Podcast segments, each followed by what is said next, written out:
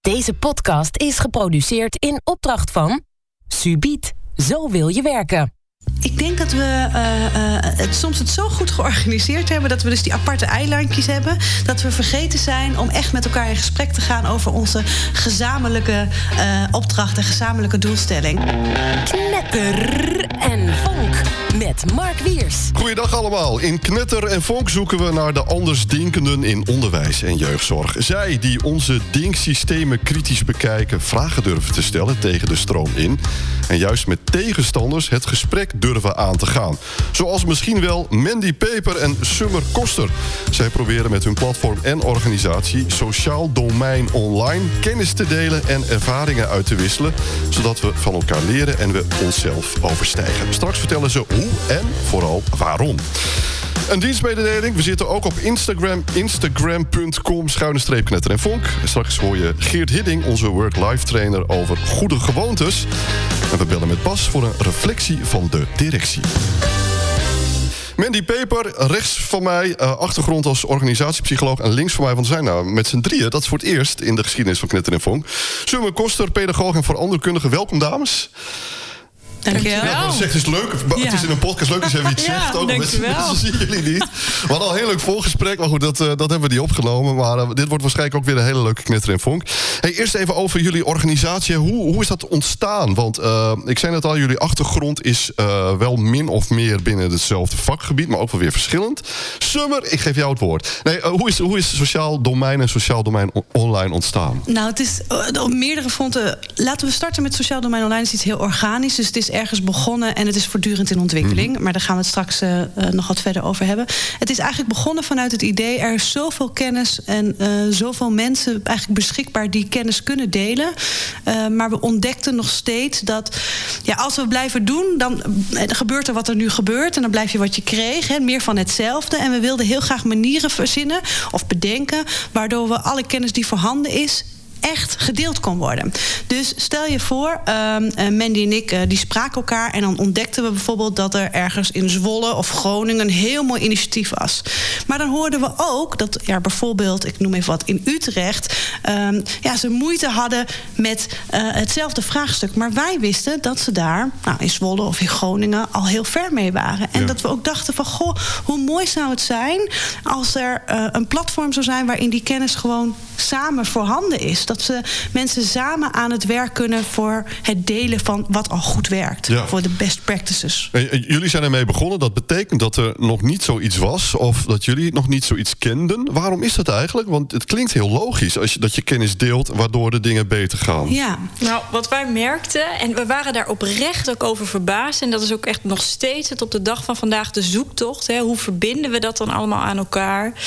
Um, dat wij dan soms letterlijk als, als, als mens gewoon de verbinding legden. Hè? Dus echt tegen Piet zeiden: joh, we, we, hebben gisteren met, met Klaas gesproken. En die heeft een hartstikke mooie oplossing. Hier heb je zijn telefoonnummer. Ik ga hem vast een appje sturen dat je contact op gaat nemen. En dat dan toch bleek week of twee later, dat dat contact dan niet tot stand kwam. Omdat er op de een of andere manier zit er iets in de dynamiek van gemeenten, organisaties, uh, misschien wel ambtelijke uh, apparaten. Geen idee waar het precies in zit, wat toch iets oproept van ja, maar het is hier net anders. Dus vooral op zoek naar wat is er dan hier anders, in plaats van de zoektocht naar wat zijn dan eigenlijk de werkende principes die je mm -hmm. overal toe zou kunnen passen? Ja, en waar, waarom is dat? Uh, waarom was dat er? Dat, je, dat ze dus uitgingen van de verschillen in wat er anders is, in plaats van wat de overeenkomsten zijn en de basisprincipes zijn? Ja, dat heeft denk ik ergens bij de start te maken. We werken in het sociaal domein. En het sociaal domein is eigenlijk, zijn alle sociale wetten... waar ook de gemeente uh, en, en, de, en de zorgprofessionals een verantwoordelijkheid in hebben. Mm -hmm. uh, in 2015 is, er, is eigenlijk die verantwoordelijkheid nog veel meer naar de gemeente toegegaan. Dus eigenlijk is ieder eilandje bezig geweest met overleven. Met een nieuwe, hun eigen stuk leren kennen. En wat moeten we dan doen? Wat hoort nu bij ons? En wat willen onze inwoners? Wat willen onze mensen? En minder dus naar het universele stuk. Wat hebben we allemaal met elkaar. Hè? Dus minder misschien ja, samenlevingsstuk. Hè? Dus wat, wat hebben we allemaal in het grotere geheel met elkaar. En wat we daarin hebben geprobeerd... Uh, er zijn bijvoorbeeld heel veel fantastische kennisbanken. En die zijn er echt. En die, die produceren zulke mooie dingen. Maar wij ontdekten dat de werkvloer die er daadwerkelijk mee moet werken... of in ieder geval waarin de handvaten handig zijn... of die juist heel veel inzicht hebben... dat die het vaak niet kenden. Dus dat het niet stroomt. Dus dat er kennis geproduceerd wordt... En opgeslagen en vastgelegd? En heel veel werk, maar in een lab beland. Of ergens online, omdat er nu ook zoveel geproduceerd wordt natuurlijk. Ergens ja, vergeten wordt. En, en uh, wat we heel erg daarmee probeerden... Uh, is we, we voelden dat we... Uh, en online is dan nu het platform. En dat is ook, hè, want ja, de toekomst is toch online. Laten we iets gaan doen... waardoor een soort online vindplaats is... van al die schakels. En we zeggen dan gekscherend dat we eigenlijk... Uh, oh, ik ga met mijn handen klappen, sorry. Ik begin haast te klappen. Doe maar gewoon enthousiast hoor. Oké. Ja. Uh, en we zeggen dan ook wel eens gekscherend... wat we heel graag wilden... is het LinkedIn met inhoud worden. Het LinkedIn van het sociaal domein. Uh, wat, wat, wat goed werkt, wat een mooi platform is... waar mensen kunnen delen. Alleen, het blijft bij delen. Het blijft bij zenden. En wat wij heel graag willen... is dat na nog die lus wordt gemaakt. Dus de reflectielus of wat doe ik daarmee lus? Of wat heb ik daarmee nodig van jouw lus? Dus ja, echt, echt een verbinding leggen ja. in al die vraagstukken. Ja, want uh, uh, die kennis was er dus. Wat voor kennis, om wat voor kennis gaat het? Noem eens een concreet voorbeeld, Mandy dat is, bijna onmogelijk om er één te noemen. Er zijn. Uh, een voorbeeld is. Uh, nou, en ik hoop dat de meeste professionals de organisatie in elk geval kennen, is bijvoorbeeld Movisi. Movisi doet ontzettend veel mooie onderzoeken die ook echt wel gaan over wat dat betekent in de praktijk. Dus voor de uitvoering van professionals zijn ook ontzettend goed in het op een mooie manier weergeven van de resultaten en op inhoud ook echt wel een praktische vertaling maken naar wat zou dat kunnen betekenen in de praktijk? Wat zouden we met deze inzichten kunnen doen? En wat wij dan constateerden, is dat eigenlijk ondanks dat al die informatie beschikbaar is, want wij wij produceren dus eigenlijk zelf geen nieuwe informatie. Hè? Wij doen geen onderzoek. We zijn ook absoluut geen onderzoekers. Um, uh, dat het dan toch de uitvoering niet bereikt. En ja. wat is er dan voor nodig om die uitvoering te bereiken? En eigenlijk parallel daaraan, ook bij het... we hadden het net al even over het ontstaan eigenlijk van sociaal domein online... Um, worstelden wij ook heel erg met het vraagstuk: uh, worden die professionals eigenlijk wel geïnspireerd?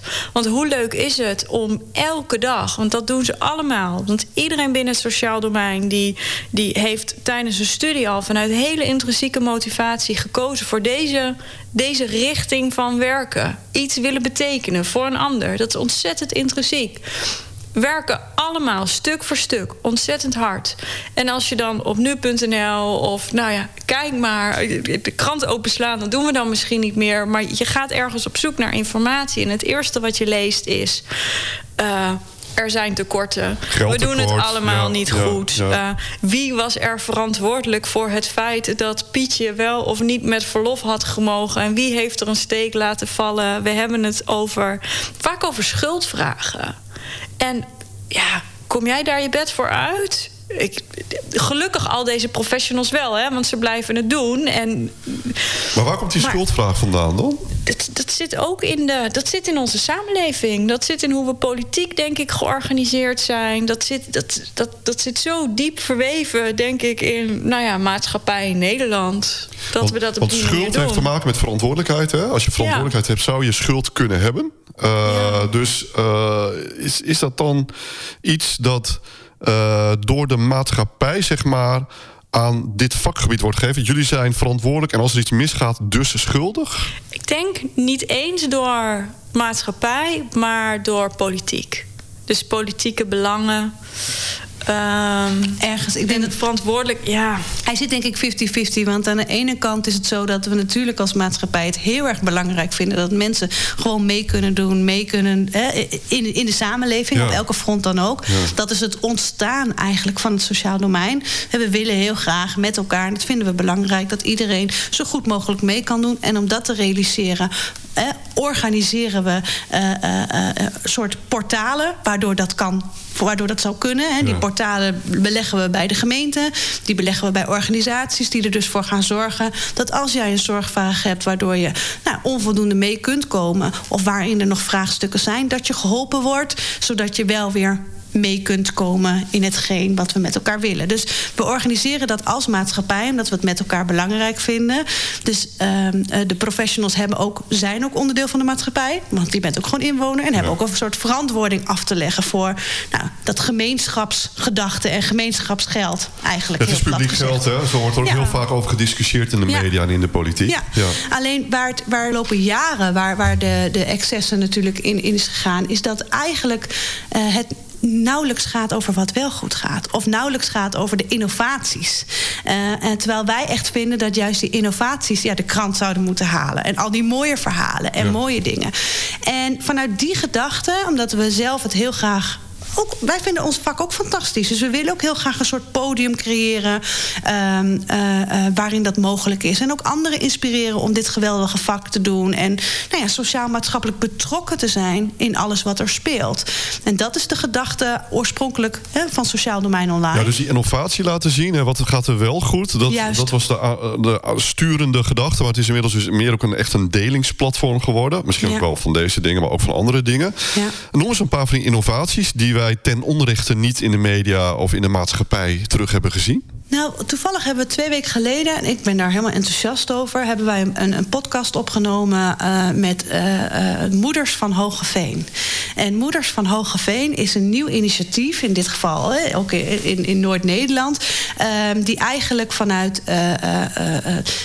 de eerste duizend dagen, hoe noemen we dat ja, ook alweer? Ja, projecten vanuit het ministerie Kansrijke Start. Ja, Kansrijke Start. Kansrijke Start gaat eigenlijk over dat we nou, zoveel mogelijk moeten investeren in voor iedereen een kansrijke start. Hè. Dus als we bij de basis goed beginnen, hebben we ook met elkaar meer succes ja, laten. Ja. Die moeders van Hogeveen, uh, uh, die, die hebben eigenlijk het, de opdracht gekregen iedere zwangere, in dit geval, of jonge ouder die stress ervaart, ga een manier vinden om ze te ondersteunen. Om ook die stressreductie af te laten nemen. Want we weten dat stress schadelijk is. Hè? En, en, en van één stressbal, you're, you're, more likely, zeg ik dan in het Engels, meer geneigd bent tot meer stressballen. Dus uh, vind manieren om die stress te reduceren met het gezin en met de moeder. En daarvoor heb, kun je maatwerk leveren. En wat zij dus doen, Moeders van Hogeveen, en dat vond ik fantastisch. Zij hebben samenwerking met allerlei hogescholen. En zij zetten studenten in. Studenten die dus voor hun studie en voor hun ontwikkeling uh, meegaan in die gezinnen. Uh, en echt moeders ontlasten. Dus die student gaat het vak in de klei leren.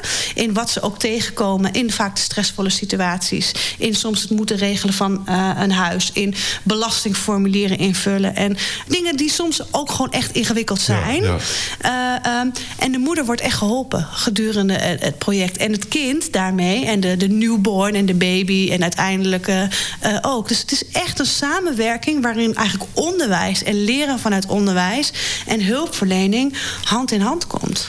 Hoe kan het dat dus politiek, hè, dat noemde jij net Mandy, dat die toch vooral ook heel kritisch zijn en dat dan blijkbaar ook een soort houding is van uh, de schuld, misschien niet, maar wel verantwoordelijkheidsvraag, die uh, heel erg bij het vak leggen. Uh, dat die innovaties zijn er, er zijn dingen die heel goed gaan juist, waar je trots op kunt zijn. We zijn echt best wel een goed georganiseerd rijk land. Hoe kan het dan dat er toch nog zo'n soort van houding, een soort van gevoel is dat dat, dat dat kritische daar zo in zit? Wat is jouw idee daarbij? Mijn idee is dat dat deels te maken heeft met termijnen. Als je kijkt naar een in de ideale situatie zit een college vier jaar. Dus we starten iets op. Of laat ik zeggen, we gaan onderzoeken wat we op gaan starten, welke doelen we willen bereiken. Nou, hoe dan de, de agenda eruit ziet voor de aankomende vier jaar. Nou, laten we het e-, even heel makkelijk opdelen. Het eerste jaar zijn we daarmee bezig geweest. Nou, dan komen we in actie, dan, dan willen we wat dingen doen en dan ja, dan gaan we eigenlijk. Nou, dan hebben we misschien een periode van twee jaar waarin we echt aan de slag gaan. En dan wordt dat wellicht alweer wat, wat minder. Dus want dan gaan we alweer kijken naar hey, hoe gaat het vervolg eruit zien. Nou, dus... college, sinds die decentralisatie op gemeentelijk uh, niveau wordt er ingekocht in ieder geval, hè, die, uh, die zorg. Uh, maar is het dus sinds die decentralisatie in 2015 veel erger geworden ook dan? Nou, dat durf ik dus eigenlijk niet te zeggen. Uh, want ik ken pas de situatie vanaf 1 januari 2015. Okay, En dat heeft mij altijd, uh, laat ik het zo zeggen, toen ik begon, dacht ik: Oh, het is wel jammer dat ik de oude situatie niet ken. Maar het heeft altijd gemaakt dat ik heel blanco en ik zeg maar even vragend als een kind, hè, zoals alleen kinderen dat doen, kijken naar. Maar hoe kan het dan dat dit zo is? Ja. En ik denk dat die cyclus van vier jaar, ik zeg maar even gewoon binnen een gemeente, die, daar heeft natuurlijk uh, de, de omgevingskant en alle, alle, andere onderdelen hebben daar ook last van. Maar wat je ziet binnen de ontwikkelingen van het sociaal domein, is dat we eigenlijk uh, parallel daaraan ook in de afgelopen, nou zeg 50 jaar, al meerdere ontwikkelingen hebben meegemaakt. Van centraal naar decentraal. En weer, terug, en, en weer terug. Ja. Terwijl we eigenlijk onvoldoende tijd nemen om eens echt goed te kijken naar hey, wat gebeurt hier nu en wat kunnen we doen. In plaats van dat we steeds weer in gaan grijpen om het volgende besluit te nemen om al dan centraal of decentraal te gaan werken. Ja. Um, ja, want uh, Summer, jij zei al, het is een organisch... Uh, de organisatie komt er natuurlijk ook vandaan qua woord. Een organisch uh, proces eigenlijk. waar zitten jullie nu? Nou, waar niet? nee, we, we, zijn nog steeds begonnen. Want we zijn ook ooit nog begonnen echt een platform... zodat mensen samen konden linken en samen casuïstiek konden oppakken. Want dat was echt ook onze gedachte. Als we nou mensen kunnen verbinden... dan kunnen ze samen in besloten groepen... wel of niet ervoor kiezen om bepaalde vraagstukken... met elkaar op te lossen. Want we weten, als we bijvoorbeeld kijken naar... Uh, uh, veel vraagstukken die leven binnen het sociaal domein... die gaan eigenlijk niet over één stukje. Die gaan heel vaak over meerdere stukjes. Mhm. Maar we vliegen ze per één stukje aan. He, snap je? Een gemiddeld gezin wat eigenlijk uh, hulp nodig heeft... daarvan is heel vaak ook sprake van financiële problemen. Ja, zo. Ja, ja, ja, uh, maar eigenlijk werken die twee nog, ook binnen dezelfde organisatie... onvoldoende samen. Omdat men vanuit een, een pers ander perspectief kijkt, bijvoorbeeld. Hè, of vanuit een andere opdracht. Of ze weten niet eens van elkaar dat ze samen aan het werk zijn uh, binnen dat gezin. Dus wij hoopten eigenlijk dat we iets konden organiseren, een soort landingsplek, waarin al die professionals die zulke fantastische dingen doen, daar met elkaar aan casuïstiek samen konden werken of aan vraagstukken. Dus vraagstukken die verder gaan. Vraagstukken waarin onderwijs en jeugdhulp elkaar bijvoorbeeld raken. Want dat is nog steeds een grote discussie. Hè? Wanneer is het jeugdhulp en wanneer hoort het bij het onderwijs? Professionals worstelen daar echt mee. Gemeente en het onderwijs ook. Dus we dachten, hoe mooi zou het zijn als we nou ja, dat kunnen faciliteren. We merkten daarin wel, dat dat was dus echt de start... dat dat nu nog, dat online stukje is voor het sociaal domein online nog een brug te ver. Want de sociale professional is niet zo online. Die is wel online uh, gewoon in het scrollen of het kijken of wat dan ook. Maar die is niet heel veel in exposure. Niet heel erg hier ben ik. Want die zijn vaak nou, en aan het werk. Uh, maar ook, ook uh, bescheiden. bescheiden. Ja. En ook wel een beetje gewend dat het spannend is om je nek uit te steken. Want straks vinden we daar weer met z'n allen wat van. Ja. Is, dat, is dat inherent aan, aan het werk en aan de mensen die vanuit die intrinsieke motivatie van ik wil een ander helpen. Het gaat minder over mij vaak. Zou kunnen. Hoort dat erbij? Dat weet ik niet. Of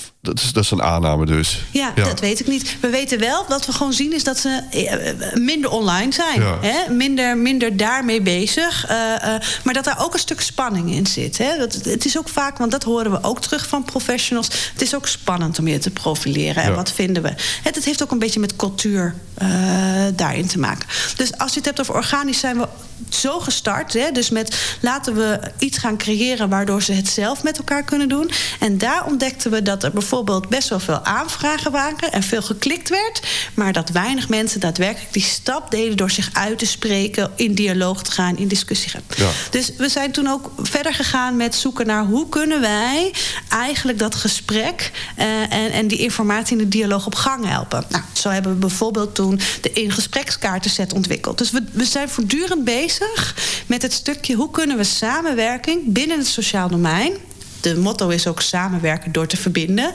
Dat menen we oprecht, bevorderen. Dus hoe kunnen we eigenlijk van die eilandjes af en naar nou, grotere olievlekken, uh, hoe kunnen we die creëren en wat is daar nou voor nodig? En soms zetten we onszelf in. Dus we begeleiden ook gewoon zelf teams en organisaties. We hebben ook een, eh, een expertise team nu die dat met ons en samen met ons doet. Maar we organiseren ook events. En ehm, de eerste event was uh, het Werkgelukfestival. Dat was uh, toen we, nou, dat was heel spannend, want we waren nog maar een paar maanden oud. Ja, we waren wel wat, we waren wel in de dertig hoor, maar we waren als bedrijf een paar maanden oud. Dat, dat, dat begreep ik dus. Ja. En, en eigenlijk hadden we dus echt heel sterk de behoefte, juist om dat positieve geluid van die professional, die, die naar ons idee ook aan het zwoegen is en ook onderdeel is van die maatschappij. We zijn met elkaar. Wij zijn de maatschappij. Hè? Maar dat niet alleen, maar we zijn ook leven. Hè? Dus, ja. uh, maar uh, moet het leven altijd leuk zijn en altijd gelukkig? Omdat je zegt werkgeluk, dat impliceert dat ongeluk... Ja. dat daar geen ruimte voor is, of dat je dat onwenselijk vindt... omdat je, nou in ieder geval, het zit niet in als je het over werkgeluk hebt. Nou, de fantastische psychiater natuurlijk, hè, die zegt de kunsten van ongelukkig zijn. Jazeker, het leven is niet altijd zo dat je alleen maar gelukkig bent. Ja. Maar het helpt wel als je tevreden bent. Hè, dus die, die growth mindset. Dus de, de mindset, ik kan het wel. Er zijn dingen die ik goed kan. Ik voel me hier tevreden over. Maar ik ga nog even verder leren. En, en hoe harder ik daarin werk gaat het me misschien wel lukken. Uh, werkt altijd bevorderend. Ja, dat is waar. Maar je ziet nu ook, hè, die meritocratie wordt uh, ook politiek steeds meer uh, genoemd. Ik had Wieke Paulusma van D66, inmiddels Tweede Kamerlid hier een paar maanden geleden. En die zei ook, weet je, er zijn natuurlijk ook heel veel stressfactoren bijgekomen in het leven, op de werkvloer, ook in de zorg en in het sociaal domein. van geluk moet je behalen, zo niet, dan ben je mislukt.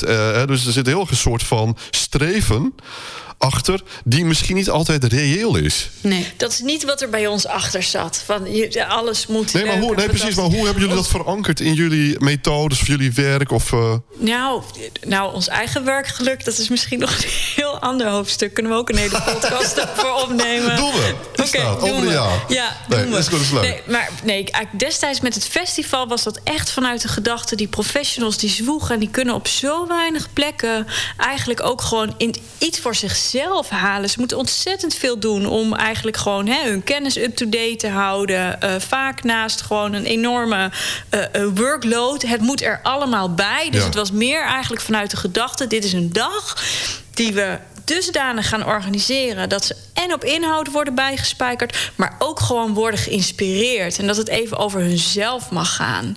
Dus het was echt een festival met hele inhoudelijke thema's, inspirerende thema's, met van een knutseltafel tot een smoothiebar tot een, een, een, een mindfulness uh, les.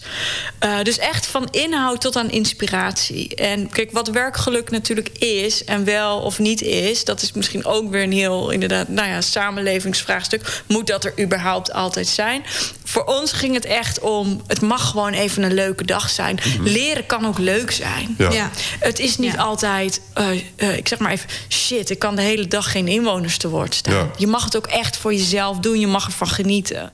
Hey, Summer, jij zei dat ook iets heel interessants, hè? dat er dus nog een soort worsteling is tussen bijvoorbeeld onderwijs en jeugdzorg. Hè? Uh, bepaalde problematiek of situaties, waar horen die toe? Waarom is dat een worsteling? Ja, ik, op dit moment ik denk dat we uh, uh, het, soms het zo goed georganiseerd hebben... dat we dus die aparte eilandjes hebben... dat we vergeten zijn om echt met elkaar in gesprek te gaan... over onze gezamenlijke uh, opdracht en gezamenlijke doelstelling. He, dus we zijn heel erg bezig met ons eigen roer en ons eigen eilandje... en daar een balans in te vinden.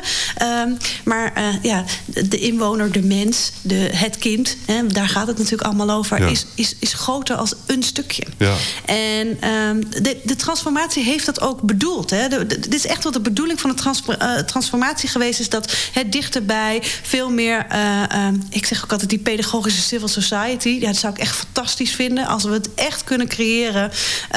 waarin onderwijs, omgeving, de buurt... Hè, vlak echt de, de buurt niet uit. It takes a village to raise a child. Exact, ja, ja. die wordt nu volledig ondergeschoven. Ja. Maar dat die echt vanuit een, een groter systeem gaan samenwerken. Mm -hmm. en minder vanuit nou ja, een eigen opdracht of eigen belangen. Maar helaas, je ziet wel mooie voorbeelden. En als we die voorbeelden zien, dan geven we er heel veel aandacht aan. Want we vinden dat ook echt heel belangrijk en fantastisch. Maar helaas is het op dit moment nog zo dat iedereen, ik noem het even overleven. Oh, uh, ja. voor dat eigen stukje oh, okay. En eigen geldstromen. Ik denk dat dat een hele belangrijke achterliggende gedachte... of nou ja, dat is gewoon een, een mechanisme. Uh, we zeggen, ja, we willen dat verbinden. Maar zolang je nog budgetteert op onderdelen... hoe kun je dan verbinden? Want dan ga je ook verantwoorden op onderdelen. Ja. Uh, die, die civil society, uh, is dat in Scandinavië in bepaalde landen al niet iets verder qua ontwikkeling? Nou, wel ten aanzien van, uh, van onderwijs en zo zeker. Ja, ja. volgens mij was het René Clarijs die een boek schreef... Tyrannie van de jeugdzorg, als ik het goed, goed heb. En wat, wat ik heel inspirerend vond... is dat er dus een aantal landen zijn... waarin ze bijvoorbeeld het buurthuis... En, en, en ik hoop dat we dat echt gaan realiseren... dat onderwijs, dus alle... ik moet het goed zeggen... Ehm, alle openbare gebouwen Volgens mij was het ook in Rusland. Zelfs dus Rusland is daarin verder. Ja, er valt van alles over te zeggen.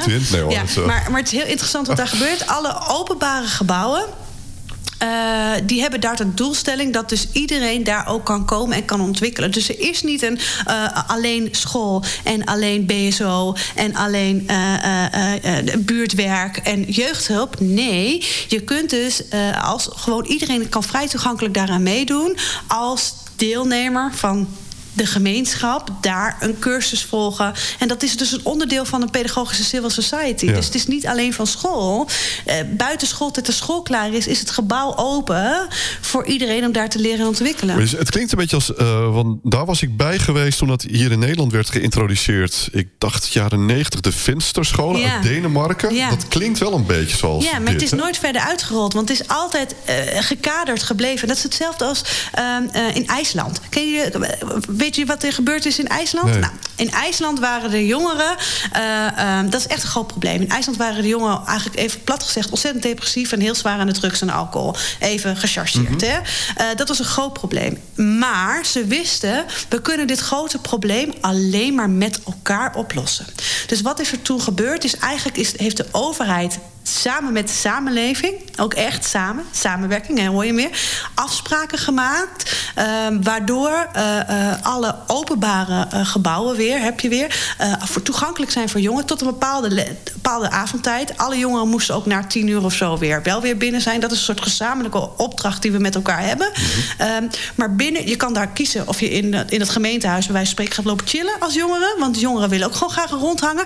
Maar we bieden daar ook altijd ontwikkelmogelijkheden mogelijkheden aan. Hè? Fotografie, beeld, weet ik veel wat. Nou, eh, dat is het, dus de hele samenleving heeft dat gedaan. Wat vervolgens zie je een aantal jaren later... Uh, alcohol- en drugsgebruik is echt zwaar verminderd. Echt zwaar verminderd. Het, het, IJslandse model voor de jeugd wordt het ook genoemd. Um, de, uh, uh, als het gaat over de, de suicide rage en de depressieaantallen zijn ook zwaar positief gekelderd, zullen we in ja, dit geval zeggen. Ja. dus eigen, en vorige Olympische Spelen deed IJsland ook, was ook ineens upcoming. Want ze zijn nu, al die jongens zijn hartstikke sportief geworden. Want die hebben een andere invulling gegeven aan hun leven. Een andere, ja, gezondere, ogenschijnlijke invulling dan alcohol, drugsgebruik en negatieve Dus je ziet eigenlijk op het moment dat in dit geval de overheid alle uh, uh, overheid gesubsidieerde initiatieven, maar ook de onderwijs en de samenleving, dus ouders, zeg maar, als opdracht met elkaar de handschoen oppakten dat je hele prachtige resultaten krijgt. Ja, ook hier weer, hè? net als bij jullie. Sorry, zeg maar, Mandy. Maar ja, en ook zonder belemmeringen. Als ik dan iets hoor over het laagdrempelig beschikbaar maken van sportactiviteit. Als je kijkt naar hoe we dat hier in Nederland georganiseerd hebben... voor bijvoorbeeld gezinnen die niet de middelen hebben... om lid te worden van een sportvereniging... Ja. dan kun je daar een vergoeding voor aanvragen. Maar ik denk dat we met z'n allen onderschatten wat het doet... met iemands eigenwaarde of behoefte aan... zelfs onderaan de streep heeft iedereen gewoon de behoefte om eigenlijk zelfstandig zijn eigen dingen te organiseren.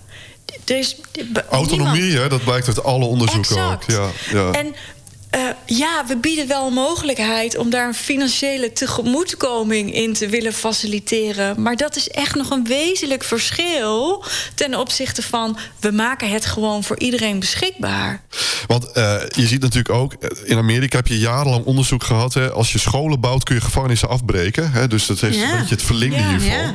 Ja. Uh, dus eigenlijk zou je ook kunnen zeggen, politici weten dit eigenlijk ook best wel. Waar, waarom is het dan zo slecht georganiseerd? Want jullie zitten neem ik aan wel aan tafel met beleidsmakers. Ja, we zitten wel aan tafel met beleidsmakers, maar we willen het eigenlijk niet zo hebben over waarom het zo slecht is georganiseerd. Want dan gaan we aandacht besteden aan waarom iets heel slecht is georganiseerd. Ja, dat is een goeie. We willen het heel graag hebben over waar willen we met elkaar naartoe. En dat is natuurlijk ook het stukje uh, uh, werkgelukfestival. Maar welke, waar willen we nou graag naar, naartoe? Wat heb je daarvoor nodig om daar te komen? Uh, we hebben het met professionals over. Oké, okay, als dat dan zeg maar een soort toekomstwens is, daar wil je naartoe. Wat is dan jouw, uh, jouw autonomie? Professionele ja. autonomie. Wat ik, kun je zelf ik, zeg, ik zei wel, dat is een goede. Maar moet je niet ook het systeem wel goed doorgronden om te weten hoe je het moet veranderen? Dus als je zeg maar weet wat de reden is, bijvoorbeeld toch angst uh, van een politicus om binnen vier jaar niet te kunnen scoren.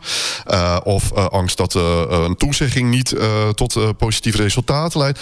Dat zou je toch wel moeten weten. Wil je iemand kunnen overtuigen Zeker, om het zeker. systeem Nou, te veranderen? Ik denk niet dat we mensen overtuigen om het systeem te veranderen, maar dat we laten zien dat het anders kan. En dat het dan vanzelf de mensen en het systeem wel ooit zal overtuigen. Oké, en waarom zijn dan die vensterscholen niet helemaal uitgerold in Nederland? Ik heb geen idee dat waarom is een dat, goed een keuze voorbeeld. is Het, heeft ook goed gewerkt in Groningen. Ja, maar je had de vensterschool en je had ook de brede school Ja. volgens mij in het onderwijs. Dus Ja. de- daar waren weer meer sausjes van en meer keuzes en meer belangen. En dat is het ook. Soms heb je ook te maken met ja, verschillende mensen, verschillende wensen en verschillende perspectieven. Ja. En, En is dat vraag, juist, en is dat vraagstuk heel ingewikkeld. Ja.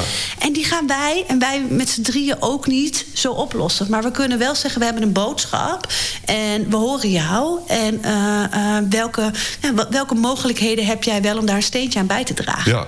Wanneer voel je trouwens dat er toch verandering in zit? Hè? Als jullie zeg maar werken aan hoe je het wel wilt, waar zit dat kantelpunt? Dat is. Ja, als we werken aan hoe we het wel willen. Wij hebben heel regelmatig dat we een oplossing aandragen. of dat we met professionals in gesprek zijn. en dat we eigenlijk voor ons gevoel alleen maar een aantal verdiepende vragen aan het stellen zijn. En dan zien we als het ware overal lichten gaan branden met. oh ja, oh ja. En als we handvatten aan kunnen reiken, vooral over hoe voer je dan dit gesprek? Hè, over belangen en dingen die ingewikkeld zijn. Ja. En Ehm, eh, wat wij dus ook heel erg doen, is dat we, en dat zit natuurlijk ook deels in het platform en in het geluid wat we laten horen. Een van de dingen die we daarmee bereiken, is dat al die professionals ook weten dat ze niet alleen staan. Kijk, het is heel ingewikkeld om als nummer 11 in een team iets anders te doen dan jouw tien andere collega's doen. Ja. Maar als je weet dat er ook andere mensen zijn die ook daar een steentje aan bij willen dragen, wordt het toch net iets makkelijker. Is dat een beetje eh, durven rebelleren in een positieve eh In een kader? positieve Ja. zin, Ja. Maar zeker. in verbinding. Ja. Ja. En- En dat is ook wel echt in verbinding, in contact, in samenwerking. Je staat er niet alleen voor. We doen het met elkaar. En wat heb je daar vervolgens voor nodig? Ja, ik vind het in in verbinding wordt natuurlijk heel veel genoemd dat is inspireren. Maar leg eens uit even hoe jij dat ervaart, dat woord verbinding. Is dat dan bijvoorbeeld empathie? Of dat je een gevoelsband hebt? Of een veilige zone hebt waarin je je kwetsbaar kunt opstellen? Hoe, hoe- Eigenlijk is, het, eigenlijk is het al die onderdelen, maar in verbinding is voor mij ook echt het gesprek. Het gesprek over wat heb je nodig. Het gesprek ook over wat vind jij dat er al heel goed gaat. Het gesprek over, hé, hey, je loopt hier nu ergens tegenaan. Zijn er ook situaties wanneer deze, dit, dit probleem zich niet voordeed? Of heb je zelf ook een idee hoe de ideale situatie eruit zou kunnen zien? Ja. En wat zou daarin dan de eerste stap zijn? Ja. Maar ook, wat heb je daarin van mij nodig om die eerste stap te zetten? Ja. Eh, En als jij zegt, waar zit dan een kantelpunt? Nou, dat zit soms ook gewoon dat we op social media veel aandacht genereren aan, aan die positieve kennis. Dus eigenlijk maken we dingen zichtbaar die online eh, eh, nauwelijks nog zichtbaar waren. Alleen dus in negatieve berichten. Hè? Maar nu proberen we ook echt de professional erachter centraal te stellen. En we ontdekten dat daarin steeds meer dialoog kwam. Dat het werd gedeeld, dat de volgers steeds meer groeiden. Ja, en dialoog is dus verbinding, hè, wat je net zei. Ja. Je, je noemde al work-life design. We hebben ook een work-life design En dan nu Geert Hidding over Work-Life Design. Geert Hidding inderdaad. Eh, even nog kort, eh, wat voor goede gewoontes hebben jullie eigenlijk? Eh, want daar gaat Ge- gaat Geert het over hebben. Wat heb jij bijvoorbeeld, Mandy, als goede gewoonte?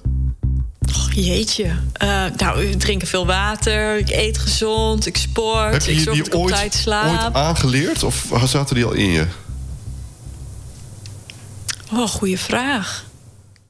Na Geert horen we jouw antwoord daarop. En van jou, uh, nee, ik, uh, nee, ik heb zeker heel veel goede gewoontes... maar daar heb ik ook altijd hard voor moeten werken. Oh ja. Dus uh, nee, ik drink geen koffie. dat is niet waar, ik drink wel koffie. Ik drink geen alcohol, ik drink geen frisdrank. geen suikers? Ik, dus. Zo min mogelijk. Ja. Nou, dat vind ik dat is echt een ingewikkelde. ik sport veel, ik yoga regelmatig. Ik probeer ook te mediteren, maar daar is Mandy beter in als mij. Want, Die vergeet ik zelfs. Ja, dat snap ik. Hij zit dus al zo in jouw systeem... dat je hem niet eens meer als gewoonte dat, is, dat is meesterschap. Ik, ik leef in de meditatieve Dat is onbewust bekwaam, is zij al daar. Nee, maar dat is echt waar. Nee, dat is echt waar. Uh, uh, nee, en, en, en, zeker elke dag uh, bewegen. De stappen komen altijd goed. En, en, maar dat proberen we dus ook, en dat probeer ik net te zeggen op social media, ook zichtbaar te maken. Dat het een vorm van balans is. Maar ook de zoektocht die we daar zelf in in moeten doen. Ja, en die deel je dan ook weer. Ja. ja. En chocola is nog wel mijn vriend, dus dat is wel ingewikkeld. maar ook dat het leven dus niet altijd was even stop. Eerst, eerst Geert Hiddink over oh, ja. die Sorry, goede Geert. gewoontes. Sorry Geert, ga je gang. Ja, Mark, ik wil het vandaag hebben over de kracht van gewoontes. Want persoonlijk leiderschap gaat over leiding geven aan jezelf. En als je leiding wilt geven aan jezelf, heb je goede gewoontes nodig. Want deze goede gewoontes leiden weer tot effectieve routines. Dat is niks nieuws. Maar de vraag is natuurlijk, hoe creëer je een goede gewoonte? Nou, daar is enorm veel onderzoek naar gedaan en er is heel veel over geschreven. Eén principe komt hier altijd in terug en gebruik ik ook heel graag in mijn coaching. En het principe is, houd het super klein. Dit worden ook wel tiny habits genoemd. Elke dag een klein beetje wint het namelijk van ineens een hele hoop. Ga maar na. Als je 20 pagina's per dag leest, lees je 30 boeken per jaar. Als je elke dag een tientje spaart, spaar je 3650 euro per jaar. Dat is toch een leuke vakantie. En als je elke dag 1% beter wordt, is dat een verbetering van zo'n 37% over een heel jaar. Nou, kijk dan maar eens waar je dan staat. Wil je dus werken aan persoonlijk leiderschap? Werk dan aan kleine, goede gewoontes. Hoe krijgen we energieke mensen die met plezier werken in de publieke sector?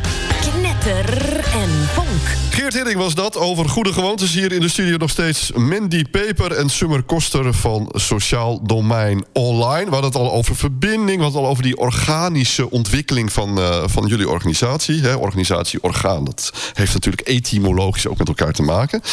Uh, we gaan het even hebben over de jeugd, want hè, daar, uh, dat vakgebied gaat daar natuurlijk heel erg over. Hè. We hebben het net ook al even gehad, dus heb jij benoemd, Summer, en zelfs een worsteling tussen jeugdzorg en onderwijs over wat tot wat behoort. Um, eerst even kort, hoe was jullie jeugd? Hoe was jouw jeugd, Summer? Gewoon jeugd, denk ik. Oké. Okay. Ja. Geen hobbels, geen hele bijzondere... Ongetwijfeld heel veel. Oh wel? Ja, ja, ja, ja, ja, ja. Maar is dat ook niet het leven? Met vallen en opstaan en hobbelen. En, uh, ja, maar het is, het is mijn jeugd. Ja. ja. ik ben altijd heel... Misschien is het pragmatisch. Hoe was je jeugd? Ja, was mijn jeugd. Ja. En daar heb ik van geleerd. En dat vond ik leuk. En ook weer niet. En uh, nu ben ik uh, summer. En dan vind ik het nog leuker. Ja. En jouw jeugd, Mandy? Vergelijkbaar, okay. denk ik, ja. Maar zou, je, zou je jullie jeugd veilig kunnen noemen? Nee. Nee. Niet? dat was ook echt in één naam. Ja, nee, nee. nee, maar niet Nee. gezegend met een uh, veilig. Nee, oké. Nee. Nee, nou, Nee. ik, ik ook niet. Uh, ik denk dat dat ons ook mens maakt, hè? Ja. Ja. Ja. Ja. Ja, eh, weet je, dit is ook. Kijk, dat, dat, dat, dat, dat vergoeilijkt echt helemaal niks. Maar we hebben niet altijd in de hand wat het leven op ons afvuurt. Nee. Maar we hebben wel in de hand welke keuzes we daarin maken. Om daar vervolgens mee om te gaan. En we moeten ook wel een beetje geluk hebben van de mensen die je om je heen hebt. Ja. Gaan we het ook nog even over hebben, want dat is inderdaad ook een heel mooi uh, onderwerp. Maar eerst even een uitspraak van Jan Derksen, de hoogleraar aan uh, Radboud Universiteit. Kennen jullie hem? Nou, wel zijn naam. Oké, okay, klinische psychologie en psychotherapie, daar is hij in gespecialiseerd. En die zegt: een deel van de burn-outs onder jongeren ligt aan de opvoeding van de millennials. Ja, dat hoor je wel vaker, hè, de millennials. En wij zijn, ik ben net geen, ik ben, volgens mij ben ik 83, ben ik net geen Ben millennial. je 83? Jij bent- Je ziet er veel jonger uit. Nee, je bent uit 83, dat is echt flauw. Ja, maar Nee, jij, bent een 89 millennial- hier. jij bent net een millennial, volgens mij nog net. Ik dacht dat millennials echt vanaf 19... 90, toch? 90? Was het Ik dacht net? 1980 zelfs. Ja, ik dacht 85. Oh, Oh. kijk, nu gaan we discussiëren. Ja, maar dit is, dit is heel erg een, eh, dit is een heel semantische discussie, maar dat hoeft, dat hoeft niet. Maar hij zegt dus wel, van, hè, die, die, de, de, de, de eh, jongeren en de jongvolwassenen volwassenen hebben heel vaak in hun jeugd te horen gekregen hoe fantastisch ze zijn. Mhm, ja. En dat ze dus een soort van een rode lopen jeugd hebben gehad. Eh, en dat ze ergens dus het idee hebben gekregen. eh, het leven is altijd leuk. Eh, terwijl het eigenlijk heel erg kan tegenvallen. En dat levert dus, als ze dat ontdekken, als student bijvoorbeeld, of in het onderwijs, levert dat heel veel stress op. Vinden jullie dat deze man ergens een punt heeft? Of, Hij heeft een punt in maatschappelijke zin, maar niet zozeer over de jeugd. Want ik zou hem echt niet. Want dat is weer iemand die ouder is, die iets gaat zeggen over de jeugd. Dus dat vind ik dan altijd weer ingewikkeld. Sorry voor mijn eh, eerlijkheid. maar mag je dan Eh, niet als, eh, als, als nee, maar- vakman dit doen? Als dat- ik weet je, hoogleraar? het is meer, maar dat is ook weer wij van deze organisatie kijken naar jullie als die organisatie. En daarin zien we nu dat daarin iets mis is. Maar dit is wetenschap, Summer. Ja, nou ja, ik zie, dat, ik zie meer namelijk als een systemisch iets. En het niet alleen bij de millennials. Maar die millennials zijn ook door, wat is het, extennials, alle millennials opgevoed. Nee, snap je wat ik bedoel? Ja. Dus het is een Ja. systemisch iets van de maatschappij... waarin we keuzes hebben gemaakt. En ja, eh, ongelukkig zijn. Ik denk, ergens is het natuurlijk bijzonder... dat we een van de gelukkigste landen eh, zijn. Ja. Hè? eh, maar toch zoveel ongeluk ervaren. Dirk de Wachter was dat volgens mij. hè? De kunst Ja. van Ja. ongelukkig zijn.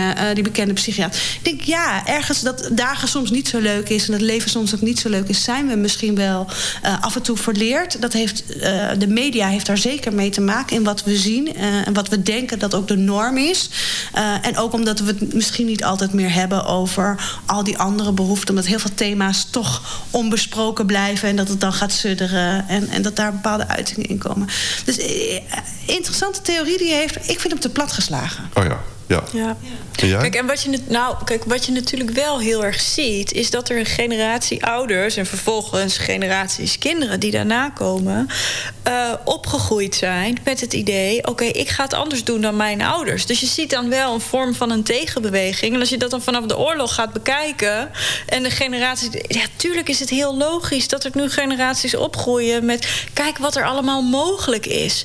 Maar wat een verantwoordelijkheid ook. Ik kan me nog heel goed herinneren dat, en dat was een fantastische gedachte van mijn moeder. En ik heb daar later soort van mee ge- gestruggeld. Ja, je, je kan alles worden wat je wil. Ja. dat was heel, een Nou, dat hele dat is die, liefdevolle die meritocratie hè, die ik eerder benoemde. Ja. en ik heb ergens gedacht, shit, maar ik moet het allemaal zelf bedenken. Ik, heb vroeger, ik ben niet gelovig opgevoed. Of, en ik heb ergens in mijn puberteit ook wel eens gedacht... ik zat wel op een katholieke school... oh, wat hebben mijn klasgenoten het allemaal makkelijk... want die weten gewoon wat ze moeten doen... en ik moet het allemaal zelf bedenken. Waar hadden ze het ook makkelijker? Of was het een idee? Geen idee. Nee, Nee, Was- was een dat idee durf ik helemaal had. niet. Nee. Nee, want waarschijnlijk als ik, als ik daarin had moeten zitten... had ik daar van, nou, enorm op geageerd. Ja, precies. Dus Ja, nee, want die en dat is niet ook naar weer- de kerk, hè? Want dan krijg je dat Ja. natuurlijk Ja, weer. ja, Ja, ja. maar ik, ik denk dat daarin iets zit. En onderaan de streep is het feitelijk natuurlijk ook gewoon zo... dat, dat we op dit moment, en ook sinds de jaren negentig... als we kijken naar eh, de economisch-financiële situatie... ja, kan feitelijk ook bijna alles wel. Ja. Eh, jullie hebben eh, een aantal hele leuke gewoontes. Eentje die jullie eigenlijk al noemden zonder dat ik er specifiek naar vroeg was. Dat je dus op maandag volgens mij de boeken bespreekt die je heel geïnspireerd Ja, een boekentip hebben ja. Eh, welke heb je eigenlijk nu, nu we hier toch zitten? De Humble... eh, Inquiry, Ja. inquiry. Oh, we gaan eh Engels praten. Ja, mensen. het was de kracht, de kracht eigenlijk van goede vragen stellen. Oké. En het, was, het is een Engels boek en het gaat echt over eh, eh, ja, de kracht van een goede vraag. Waarderend vragen stellen en ook in, ges- waarderend in gesprek met elkaar. Eh, eh, hoe, hoe doe je dat? Wat, wat is daar de, de theorie eh, van? Eh, Over waarderend vragen Ja, stellen? ja. het gaat ook heel erg over stilstaan bij wat wel goed gaat, waar je naartoe wil, waar je blij mee bent. Eh, het heeft ook weer met contact te maken. Hè? Mhm. Dus minder stilstaan met, oh shit, wat heftig, wat is het leven waardeloos en wat is hier allemaal zwaar en aan de hand. Dat, dat sowieso, dat wordt niet weggepoetst, hè, maar dat mag er ook zijn, maar meer in contact. Oké, waar zou je graag naartoe willen en hoe ziet dat er dan uit? Oké. En hoor- nog één keer de titel? Want het is eh, alleen maar geluid dus mensen kunnen het eh, niet nou, nalezen. Ik weet even uit mijn. Engels is niet zo sterk. Het is Humble Inquiry van Edgar Schein. je kijkt me echt aan met de ogen van, ik weet het niet. Nee, heel goed. Dat kunnen het is mensen... Edgar Schein. Ja, maar Dus mensen als je kunnen... daarop zoekt, ja, mensen kunnen dat vast vinden, vinden. Benny. Ja. En wat is jouw eh, tip qua boek? Oh jee, mag je, dat vind ik dan weer ingewikkeld. Hè? Dan denk ik, oh, wat heb ik de laatste weken gelezen? Want ik verslind boeken.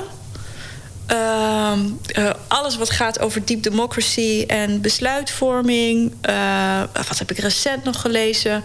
Uh, Socrates op sneakers is misschien heel laagdrempelig. Gewoon leuk boek ook over de kracht van vragen stellen. Ja, Socratisch waarin... denken. Alleen maar vragen stellen waarom. Ja. En, ja, en dat is als je het hebt over verbinding. Dus dan maak ik misschien even een sprongetje weg bij boekentips. Ik denk ook echt dat we met z'n allen soms vergeten zijn... in de snelheid om gewoon eens even stil te staan... en als jij me nou iets vertelt, om daar ook even op door te vragen. In Mhm. plaats van daar alles op te plakken wat ik daar dan voor beelden bij Projectie heb. eigenlijk vanuit ja. je eigen... Ja, gewoon even vragen. En mensen zijn het ook niet gewend, hè? Want eigenlijk in alles wat wij doen, je noemde je had het, nou ja, even geleden hadden we het over waar zie je dan soms kantelpunten?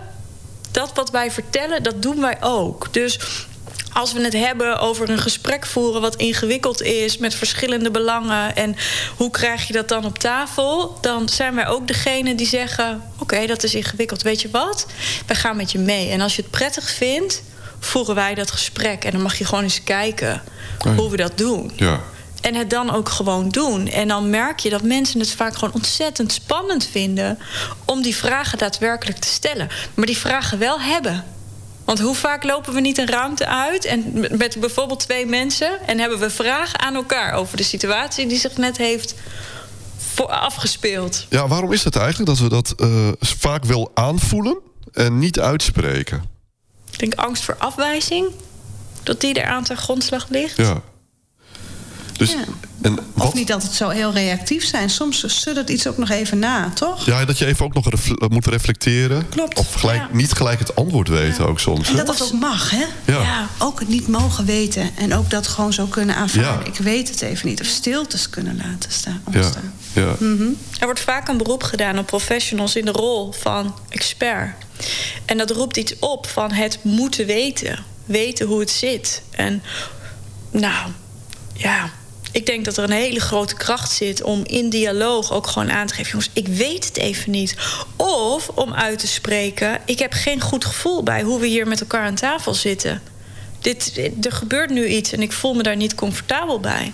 Eh, ik heb di- dit al, punt al eerder in Knetteren Vonk een aantal keren kunnen bespreken. eh, is die eh, onveiligheid. Hè? Dus we hebben het ook al eerder even hier benoemd. Van als je wilt rebelleren om een systeem te veranderen. wat eigenlijk ten goede komt aan iedereen. Soms voelen mensen zich niet veilig genoeg om zich uit te spreken.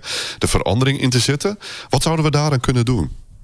Nou, wat wij, wat we, wat we, we begeleiden ook teams en we coachen dan ook medewerkers eigenlijk in een soort ja, mensbeeld. En, en zeggen we altijd: als je een gesprek ingaat vanuit het gedachtegang: ik ben oké, jij bent oké. Kunnen we het over heel veel dingen hebben. en, en je kunt daar dus ook altijd naar terug. Dat is ook gewoon een bepaalde basishouding... waarin je wel gesprek gaat, waarin je stil mag zijn... waarin je dingen mag zeggen. Ik ben oké, jij bent oké. Dat betekent dus niet... eh, eh, ik ben minder, jij bent beter. Betekent ook niet... ik ben beter, jij bent minder. Het betekent ook niet... ik ga de oorlog niet eh, winnen, maar jij zeker niet. Dus min-min. Nee, ik ben oké, jij bent oké. En jouw mening mag er zijn en ik luister daarnaar. Die kan ik ook toevoegen aan mijn mening. En als je dat, zeg maar, daar, ik geloof altijd, daar kun je altijd naar terug. Dat is ook een keuze die je zelf kan maken om daar naar terug te gaan. Ja. In jezelf, Ja. met jezelf, ook met je organisatie. Mijn organisatie maakt op dit moment een keuze die ik niet handig vind, maar hij is wel oké. Snap je wat ik bedoel? Ja, ik ben ja. oké, jij bent oké. Ja. En ik ga daar wel over in gesprek. Of ik heb iets nodig van mijn organisatie. Dan kan ik gaan stampvoeten. Dan kan ik gaan denken, maar ze doen het altijd, want ze luisteren nooit naar mij. Maar kan ook neerleggen, weet je, om mijn werk goed te kunnen uitvoeren, heb ik dit van jullie nodig. Wat zijn hierin de mogelijkheden? En zit hem dat in eh, eh, individueel niveau, organisatorisch niveau? Hè, want dit is een heel mooi eh, beeld van hoe je dat eh idealiter zou kunnen hebben. Maar hoe zet je die veranderingen in? Jij zegt al, ik doe het goed. Je, je doet het zelf. Goed een voorbeeld geven. Kun je het ook organiseren? Ja? Ja, Hoe doe je dat? ja. In teams eigenlijk ook dit bespreken. Hier reflectiemomenten ook voor eh, eh, uitoefenen. Eh, toevallig hadden we ehm, afgelopen week een, een, een, ja, een Deep Democracy eh, ehm, eh, eh, even, ja, event. kennis- en inspiratiesessie. En daar gaat dus ook heel erg over de wijsheid van anderen toevoegen. En een voorbeeld daarin is dat je, als je dus echt in contact bent, je ook een andere mening mag hebben, omdat die er ook moet zijn. En wat doen we daar dan vervolgens mee? Er zijn ook manieren voor. Uh, er zijn ook tools voor. Maar het gaat dus ook echt over: uh, jij bent ook oké okay, en ik ben ook oké. Okay. En jouw li op mijn la la la la, als je het hebt over toonhoogtes, is ook oké. Okay. Mm -hmm. Nou, dat jij bijvoorbeeld, toen ik uh, uh, die uh, hoogleraar noemde, je zei van ja, dat is een oude man. En, dus dat is eigenlijk toch ook ergens in een hokje plaatsen en zeggen van ja, hier kan wel, niet zo heel veel. Nou, was eigenlijk wel ook wel zo vanuit een reactie, omdat jij vroeg wat vond je daarvan. En dat ik echt dacht, ja, maar nu gaan we weer over één stukje mensen praten. Nee, zeker. Maar je kunt ook vanuit zeggen van dit, dit, dit is goede kennis, maar we zouden ook, weet je zo. Maar het was mooier geweest als ik dat nee, had maar, het, maar even, ik begrijp het, het zit ook in mij. Hè? Het is volgens mij ook een soort reflectie die je volgens mij maar moet Maar je kunt er dus altijd naar terug. Ja, precies. En dat is denk ik ook wel, wel de boodschap die hierin zit. Want we doen dit als organisaties, we doen het als individuen. Eh, ik doe het de dagelijkse kost, maar ik geef hier ook training in. Maar zelf bak ik er ook niet altijd alles van. Nee, nee. Maar ik ben wel oké. Okay. Ja. Nee, zeker, en, zeker. En dat zeker. stukje kun je altijd naar terug. En we kunnen het er ook over hebben. En um, uh, in jouw verhaal over, over die hoogleraar... maar er zijn natuurlijk altijd inzichten, verschillende inzichten... verschillende perspectieven, die mogen er zijn. En daar kunnen we het over hebben. En daarop re reflecteren. Dus vanuit welk deel van mezelf heb ik gereageerd? Mm -hmm. uh, en als we het hebben over hè, hoe, hoe, faciliteren we dat? Wat wij binnen teams doen, is dat we heel vaak. Dan komen we binnen en dan beginnen we eerst maar eens gewoon met echt luisteren en ophalen. Wat vinden ze belangrijk? Waar hebben ze behoefte aan? Want tuurlijk hebben we misschien een stip op de horizon en moeten we ergens een keer een, een resultaat of iets gaan opleveren. Maar laten we beginnen bij waar, waar is hier nu behoefte aan? Waar, wat ligt er nou bovenop die stapel? Wat eigenlijk belemmert om al die andere dingen te doen? En nou ja, wij, we hebben een koffer vol met allerlei methodieken en creatieve ideeën. En afhankelijk van het, van het team of het, ook wat zij ons teruggeven, gaan we dan aan de slag met hoe we dat vorm kunnen geven. Maar als we dat dus doen vanuit tools die je vanuit Deep Democracy heel mooi kan toepassen, maak je alles onderdeel van de groep. Dus jouw mening is niet meer van jou, maar is gewoon een rol die jij vertegenwoordigt. Ja, ik weet niet precies wat betekent Deep Democracy diep democratisch besluiten. Maar wat, wat houdt dat in? Dat je. Uh, nou, ik zal een voorbeeld geven. Wat wij hier in Nederland heel erg gewend zijn, is uh, uh, het stemmen van de meerderheid en dan hebben we een besluit genomen. Daarmee vergeten we dus eigenlijk de minderheid. Ja. Want we hebben gezegd, nou, als de meerderheid heeft besloten, dus dat wordt het besluit. Maar juist bij die minderheid zit nog heel veel wijsheid. Heel veel uh, potentieel wat je kan toevoegen aan je meerderheidsbesluit. Dus je neemt nog steeds dat besluit wat die meerderheid wil. Maar wat kan die minderheid jou nou nog vertellen? Om eigenlijk daaraan toe te voegen. Oh ja. Dus het wordt, en dat wordt dus in sommige gevallen een heel ander besluit. Waar is, uh, heb je een voorbeeld van waar dat uh, heel goed heeft gewerkt? Um, ja, verschillende. Nou, ik, neem een voorbeeld uit de sessie die we afgelopen maandag uh, hadden met elkaar. We kwamen tot een, een besluit. We hadden drie opties om met. We hadden eigenlijk drie verschillende vraagstukken liggen. En de vraag was: met welk vraagstuk gaan we vandaag aan de slag? En wat je binnen Deep Democracy doet, is ook alles ophalen wat er leeft. Dus die drie vraagstukken waren al eigenlijk uh, drie conclusies van de groep waarmee we op dat moment aan het werk waren. En ergens kwamen we niet tot een goed besluit. We, we konden geen goede keuze maken vanuit die drie onderdelen die er lagen. En uh, dan bied je ruimte. Hè? Dus dan ga je actief op zoek naar... oké, wat, wat, moet hier nog meer gezegd worden? Want we kunnen geen goed besluit nemen. Welke, nou ja, wat is er nog niet uitgesproken? Wat moet er nog toegevoegd worden? En hoe kunnen we eigenlijk tot een verbeterde versie komen... van dat wat er al ligt? Dus er werd een vierde punt ingebracht... Op het allerlaatste, hè, we waren al, en we kennen allemaal dat gevoel wel, dat je een vergadering bijna aan het afronden bent. En dat er dan nog iemand iets anders dwars doorheen gooit. Terwijl je denkt: potverdorie, ik wilde eigenlijk gaan lunchen. Ik val bijna om van honger. Dat gevoel kent iedereen. Ja, hè? ja, ja, um, uh, dus eigenlijk gebeurde dat, maar dit, dit is georganiseerd dat het gebeurt. Hè? Want we bieden die ruimte. We willen graag dat dat gebeurt. En. Uh, Vervolgens kiest bijna de hele groep voor optie nummer vier. Mm -hmm. Met nog een kleine aanvulling. En dan, ja, er is een reden waarom we er niet lekker uitkomen bij die drie dingen. Ja, dat begrijp Ja. ik wel. Ja. En daar moet je dus toch even... en daar aan de voorkant op zo'n manier de tijd voor nemen... levert je aan de achterkant een hoop ellende. Nou ja, Scheelt Ja, ja, die bedoel ik eigenlijk. Maar ook in voorbeeld, dat is denk ik, want er luisteren natuurlijk veel professionals ook naar deze podcast. Als je nou in gesprek met een gezin bent over de hulpverlening die je wil gaan inzetten. En je zou als laatste vraag nog stellen: Goh, wat, wat, wat vinden jullie hiervan? Ja, nou, ik, ik weet het niet. Wat heb je. En je bent heel helder, hè? Want je hebt gewoon je rol als professional. Oké, ik hoor wat je zegt. Dit is wel wat we gaan doen. Maar wat heb jij nog nodig om je hier goed bij te voelen? Nou, dan kun je een voorbeeld krijgen als eh, dat- een, een, een ouder zegt: Ik zou graag eerst kennis willen maken met de organisatie die de hulpverlening gaat bieden. Je besluit blijft hetzelfde, maar je voegt iets heel kleins toe, Ja. wat van wezenlijk verschil is in het verloop van het verdere traject. ja. Jij noemde het net als Summer, hè, van eh, je komt er niet uit, dat is een teken. Is het ook een beetje intuïtief eigenlijk? Dat je voelt van er mist nog iets, Ja. het is niet compleet. ja. Ja, je zit binnen Deep Democracy. Wat je doet is heel bewust uitspreken eh, eh, eh, wat je ziet gebeuren. Ja. Dus eigenlijk zet je, en dat klinkt dan misschien bijna zweverig, maar uiteindelijk hebben we allemaal zintuigen. Hè? We horen, zien, voelen, ruiken, noem maar op. Ja. En als nou ja, facilitator van Deep Democracy ben je er ook voor verantwoordelijk dat je dat dus uitspreekt. Dat je dat ziet, hoort, voelt of dat er iets gevoeld wordt. Ja. Je vertegenwoordigt die rol in de groep. Ik vind het een hele mooie vraag aan Bas. Bellen met Bas. Ja, want dit telefoontje hadden we nog even te plegen, bellen met Bas. Hoe organiseer je Deep Democracy, Bas? Nou, wat wij heel belangrijk vinden is dat mensen zich goed bewust zijn van hun eigen eh, valkuilen en hun eigen krachten. Eh, want ik denk als je je daar goed bewust van bent, dat je dan ook die krachten eh, goed kan inzetten eh, richting jouw omgeving. Ehm, en dat je dus ook eh, bewust bezig bent met hoe zorg ik, hoe ga ik om met die krachten vanuit mijn omgeving. Hè? Dus hoe ga je om met andersdenkenden? Ehm, je hebt binnen, eh, nou, pak het sociaal domein, heel veel grote organisaties die eh, log zijn, die, die vanuit systeem werken. Ja, je kan je heel erg tegen dat systeem verzetten, of je kan je er heel erg in aanpassen.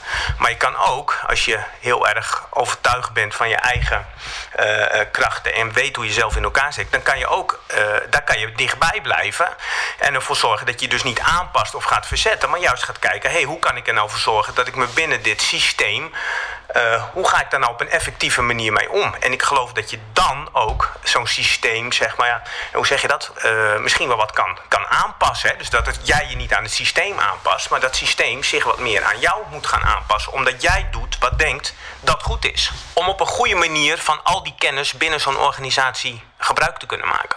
Dit doet me ook gelijk denken aan die hele gave eh, Apple-reclame. eh, die eindigt met... The ones who are crazy enough to think they can change the world... are the ones who do. Ja, en dat is volgens mij eh, waar het om, om draait. Eh, je moet mensen, de andersdenkenden, eh de ruimte geven. Ja, dankjewel Bas. Jouw twee minuten zitten er ook weer op. Ja, eh, dames, ik vond het heel leuk, want het uur is echt voorbij gevlogen. We zitten hier echt al een uur te praten. Dank jullie wel voor jullie komst aan de studio Jij ook in bedankt. Groningen. Summer en Mandy van Sociaal Domein Online. Wie zouden we voor de volgende kunnen uitnodigen? Hebben jullie, schiet jullie een naam te binnen? Voor de volgende Knetter en Vonk. Terwijl jullie nadenken, ga ik nog even zeggen... wij zitten ook op Instagram. Instagram.com, schuine streep, Knetter en Vonk. Eh knetter, apenstaatje, subiet.nl. Je kunt ons ook mailen. Ja? Ik weet wie je moet hebben. Nou, eh, die gaan we gelijk bij deze Nou, uitnodigen. ik denk, eh, nou, maar ik weet niet of jullie dat interessant vinden, maar ik vind, eh, ik vind Sandra M. Jacobs wel een leuke. Zij is van, Zeker. oh, dus dat is WMO, de WMO-adviseur. En zij, haar motto is: als we de wereld anders inrichten, zijn, min, ja, zijn minder mensen beperkt. Dus het is echt een hele interessante gedachte. Nee, heel leuk. Ik vind, ik vind het heel leuk. Het klinkt gelijk heel leuk. Zullen we, kun jij ons helpen, haar dan? Ik geef je nummer. Hartstikke goed. Ja. Gaan we die volgende keer spreken. Dank jullie wel. Tot de volgende keer. Dag. Deze podcast is geproduceerd in opdracht van Subiet. Zo wil je werken.